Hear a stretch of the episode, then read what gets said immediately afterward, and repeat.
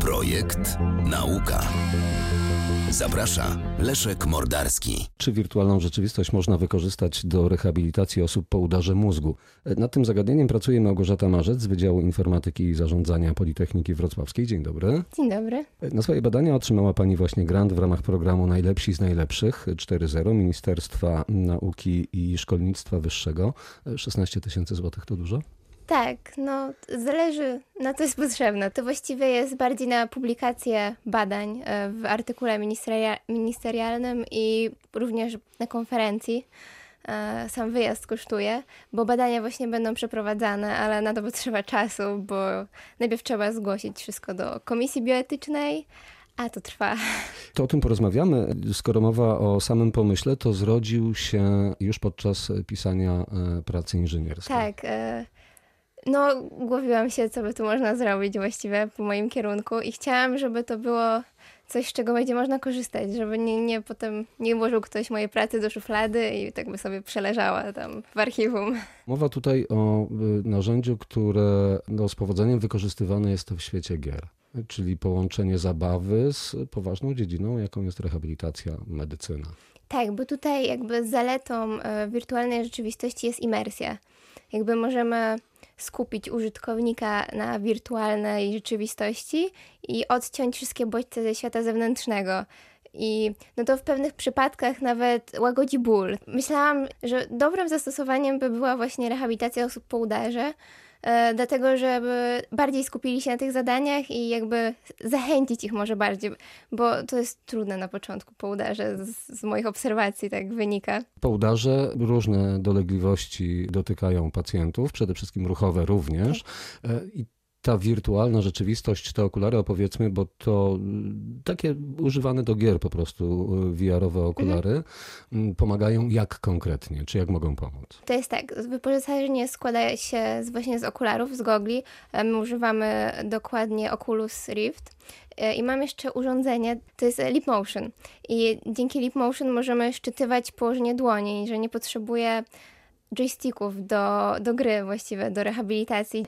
To jest małe urządzenie, które się przyczepia właśnie na gogle i ono jakby szczytuje położenie dłoni za pomocą e, promieniowania podczerwonego. I pomaga śledzić postępy w rehabilitacji konkretnych pacjentów. E, tak, właściwie odwzorowuje ręce w wirtualnym środowisku.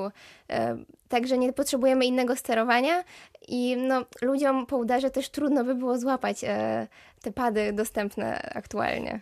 Jak konkretnie wygląda taki proces rehabilitacji? Pacjent nałoży te okulary i z jakimi zadaniami się mierzy? E, zastosowałam zadania z konwencjonalnej terapii. To jest e, proste, proste łapanie piłeczek i przenoszenie ich. Nie mogłam też jakby zastosować bardziej zaawansowanych ćwiczeń, bo nie wiedziałam, jak, jak to wyjdzie w praniu. Teraz będziemy prowadzić właśnie testy takie poważniejsze. To jest przenoszenie piłeczek i zdobywanie przy tym punktów. No tutaj ważny jest też czynnik motywacji, który też będę rozwijać, żeby właśnie bardziej zachęcić pacjentów do wykonywania tych ćwiczeń. Pracując nad y, tym rozwiązaniem, pewnego rodzaju testy medyczne już pani przeprowadziła. Tak, to, to było bardzo nieinwazyjne i to ze zgodą pacjentów. E, to było na potrzeby właśnie pracy inżynierskiej. Sprawdzić, czy ta aplikacja w ogóle ma rację bytu. No, wyszło całkiem, całkiem dobrze.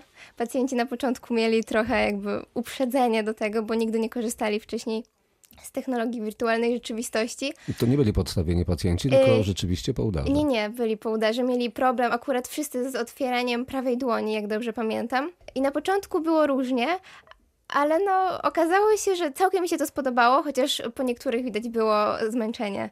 Pot na twarzy, no nie spodziewałam się czegoś takiego.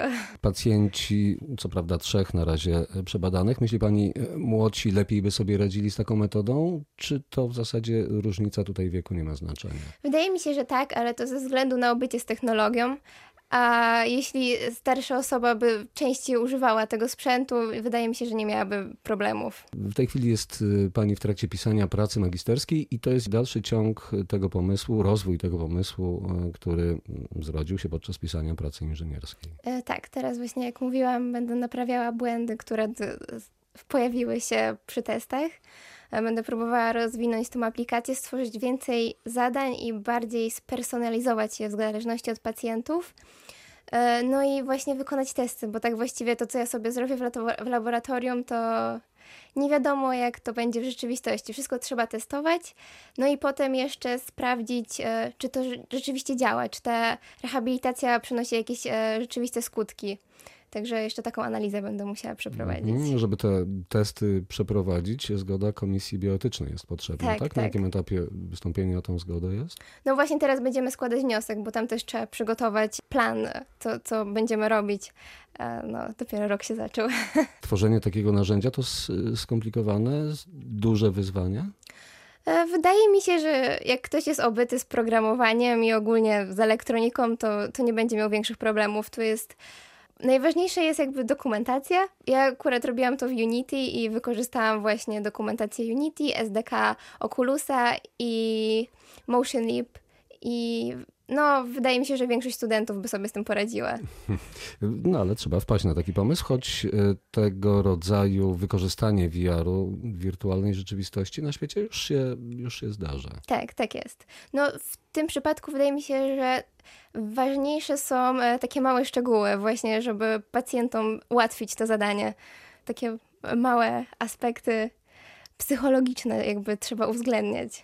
One będą zawarte w samym programie, czy korzystanie z takiego narzędzia będzie wymagało na przykład wsparcia psychologa, który odpowiednio nastroi pacjenta do, do podjęcia takich prób?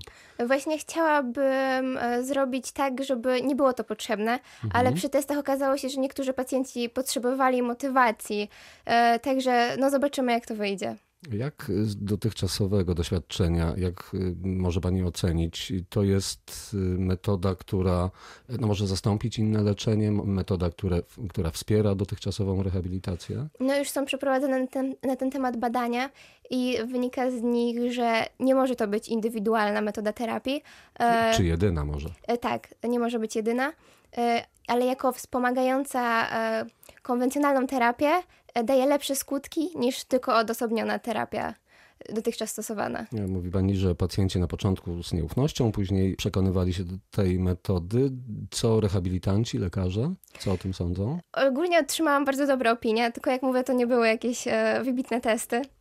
Do, do, wszystkiego dojdziemy, ale e, było to, wydaje mi się, że podobało im się to przez to, że pacjentom trudno jest na początku przekonać się do ćwiczeń, a dzięki VR-owi tak, aż tak bardzo się nie zniechęcają, bo na przykład nie złapią piłki w rzeczywistości, ale w VR będzie im łatwiej. To właśnie taki aspekt, który może ułatwić tą rehabilitację. Lekarze widzą przyszłość przed takimi metodami? Chcieliby widzieć, ale tak naprawdę trudno mi teraz stwierdzić. No na pewno, jak już mówiłam, to nie może być indywidualna metoda, e, znaczy odosobniona, ale fajnie by było, jakby można było z niej skorzystać e, jako pomoc nawet w domu dla pacjentów. Twórca takiej metody, jaki ma plan po jej opracowaniu, przetestowaniu, żeby trafiła do każdego szpitala rehabilitacyjnego? E, no byłoby fajnie, gdyby można było rzeczywiście pomóc ludziom. Chciałabym, żeby tak się stało, ale no, długa droga przed tym, wydaje mi się.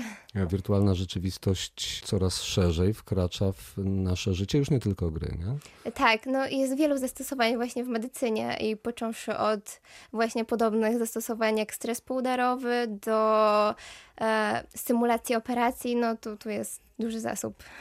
W Polsce są firmy, które mogłyby się podjąć tworzenia takich instrumentów rehabilitacyjnych? Wydaje mi się, że że tak, bo to jest jakby przyszłościowa sprawa, tylko że no, potrzebne są badania, żeby potwierdzić, że to naprawdę działa. Na Politechnice oczywiście patroni, naukowcy wspomagają studentów. Tak, tak. Moim patronem, właśnie promotorem jest e, profesor Ryszard Klempołus i bardzo mi pomaga w tych kwestiach. Prowadził panią przez etap pracy inżynierskiej i teraz razem do pracy magisterskiej. Tak, tak jest. Wspomagają Panią koledzy, studenci, inni pracownicy Politechniki? E, tak, jestem e, prezesem koła Trewbarek i właśnie ze studentami... To jest koło studenckie, tak? Tak, tak. E, ze studentami, e, z kolegami będziemy przeprowadzać te badania, bo przydałaby się pomoc dla jednej osoby, wydaje mi się to za duże wyzwanie. E, właśnie kolega e, Michał Olech zrobił aplikację wspomagającą moją, która szczytuje właśnie Sleep Motion położenie rąk i nam wyświetla wykresy. Możemy sobie porównać przed i po, żeby właśnie zobaczyć, czy coś się zmieniło. Powiedziała Pani, że przed Panią jeszcze usuwanie błędów y, samego programu czy urządzenia. Na czym polegają? Pojawiły się jakby różne aspekty podczas działania, podczas sprawdzania aplikacji. Jak na przykład e, pacjenci czasami oszukiwali podczas przenoszenia piłeczek i zamiast otworzyć dłoń, bo to właśnie chodzi o to, żeby ją otworzyć, żeby rzeczywiście wykonać ruch, e, podbierali ją od dołu, e, szli wzdłuż pudełka, w ogóle nie, nie wkładając w to wysiłku. E, tak, i wrzucali ją po prostu. Właśnie dlatego będę musiała pilnować tego z poziomu aplikacji, żeby wychwytać to i nie wiem, wyświetlać komunikat, właśnie tego rodzaju błędy bym tu miała na myśli. Ta aplikacja to jest, y, tak jakby się mogło wydawać, aplikacja na telefon komórkowy, aplikacja, która funkcjonuje w komputerze? E, potrzebujemy komputera do tej aplikacji, tak. Możliwe też by była na telefon komórkowy, ale wtedy byśmy musieli użyć innych gogli. No to już jest kwestie technologiczne i tutaj by była też e, mniejsza rozdzielczość ekranu, a to jest ważne, żeby nie, nie wprowadzać takich kwestii przeszkadzających, znaczy, że po dłuższym używaniu mogłoby na przykład być nam niedobrze. W... I chodzi o pacjentów, którzy powinni dobrze widzieć to, w tak, jakiej żeby sferze to, się obracają. Żeby to nie było bardziej szkodliwe niż pożyteczne. Życzymy zatem powodzenia w rozwijaniu tego pomysłu, no i sukcesów w obronie pracy magisterskiej. Naszym gościem była Małgorzata Marzec z Wydziału Informatyki i Zarządzania Politechniki Wrocławskiej, laureatka programu Najlepsi z Najlepszych 4.0. Gratuluję i dziękuję za rozmowę. E, dziękuję bardzo. Radio Wrocław. Projekt Nauka.